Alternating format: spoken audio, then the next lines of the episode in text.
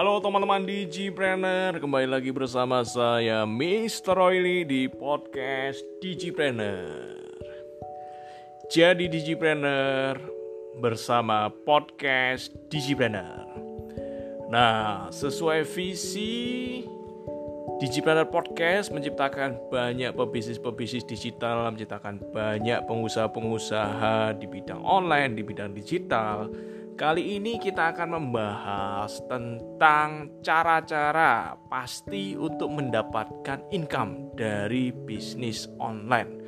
Nah, ternyata bisnis online itu ada banyak ya. Jadi nggak cuman orang-orang kalau di luaran sana ngertinya kalau bisnis online itu adalah online shop ya. Jadi jualan produk di online ya. Tapi di episode kali ini saya akan bahas bahwa ternyata bisnis online itu luas sekali ya. Banyak sekali ya, banyak sekali kategori-kategori yang bisa dijadikan sebuah bisnis ya, bisnis online ya. Jadi nggak cuman online shop aja ya yang di Instagram, yang di marketplace ya. Jadi ternyata luas banget. Dan untuk itulah di podcast kali ini saya akan banyak sharing tentang itu ya buat teman-teman pendengar setiap podcast Digipreneur. Jadi kalau zaman sekarang ya, kalau zaman sekarang teman-teman mau mulai bisnis itu sangat-sangat mudah ya dibandingkan zaman saya 10 tahun yang lalu, 12 tahun yang lalu ya. Saya mulai bisnis itu 2008, berarti sekarang 2020. Berarti udah 12 tahun ya, 12 tahun saya sudah berbisnis. Jadi usia bisnis saya udah 12 tahun ya.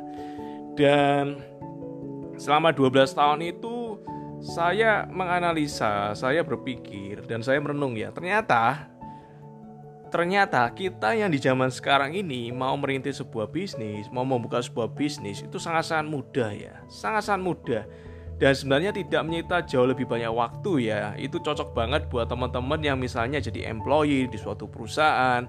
Jadi ketika teman-teman merasa bahwa income teman-teman ketika menjadi employee kurang, teman-teman sebenarnya bisa juga mempunyai sebuah bisnis online sebagai income sampingan ya.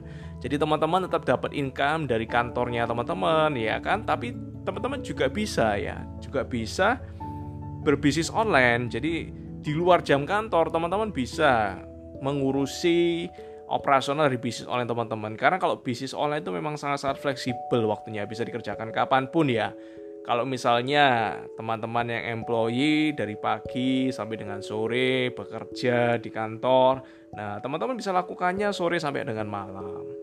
Dan weekend pun teman-teman juga bisa melakukannya ya. Jadi memang benar-benar bisnis online ini tidak mengenal waktu ya, tidak mengenal waktu dan tempat. Asalkan teman-teman punya yang namanya smartphone atau laptop laptop dan ada internet, teman-teman sebenarnya sudah bisa mendapatkan income ya, sudah bisa mendapatkan penghasilan ya. Dan itu teman-teman bisa lakukan juga hanya di dalam se dalam sebuah rumahnya teman-teman. Tidak perlu keluar rumah ya, tidak perlu keluar rumah. Dan bisnis online ini sebenarnya bisa dilakukan oleh siapa pun ya, siapa pun Anda, background apa pun Anda, siapa pun latar belakang Anda, dan yang lebih penting lagi adalah modal teman-teman ya seberapa banyak modal teman-teman sebenarnya bisa ya teman-teman tetap bisa melakukan yang namanya bisnis online. Jadi bisnis online itu keuntungannya itu ya sangat-sangat beruntung teman-teman berbisnis di zaman sekarang. Karena modal untuk membuat sebuah bisnis online itu ternyata sangat-sangat rendah ya sangat tidak signifikan ya tidak sebanding ketika teman-teman membuka sebuah bisnis offline ya. Ketika teman-teman membuka bisnis offline itu komposisi investasinya terlalu besar ya, sangat besar ya. Dan risikonya juga sangat tinggi.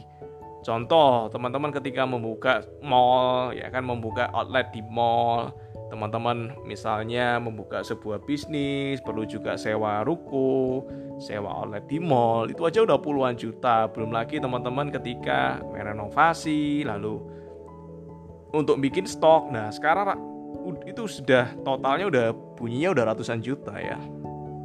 Dan itu pun belum tentu teman-teman berhasil.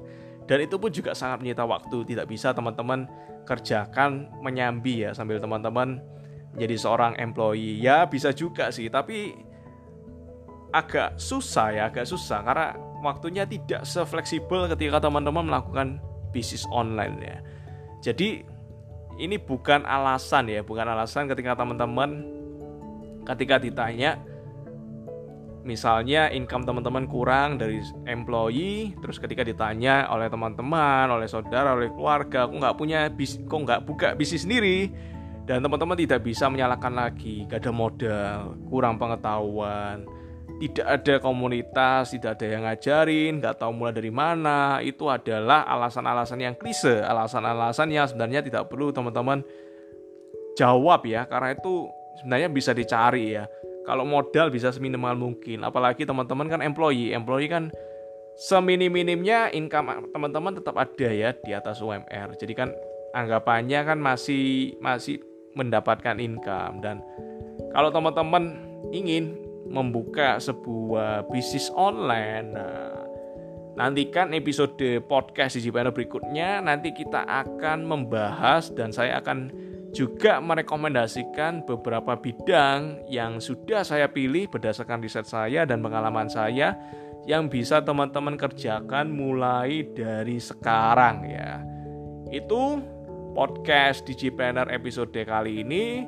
Silakan teman-teman resapi bahwa tidak ada alasan lagi untuk tidak mulai bisnis online sekarang. Siapa pun teman-teman siapa pun Anda terutama teman-teman yang masih bekerja di perusahaan masih menjadi employee saatnya sekarang juga teman-teman merintis sebuah startup ya. Sebuah startup atau sebuah online store di dunia digital. Sekian dari saya sesuatu buat teman-teman salam Digipreneur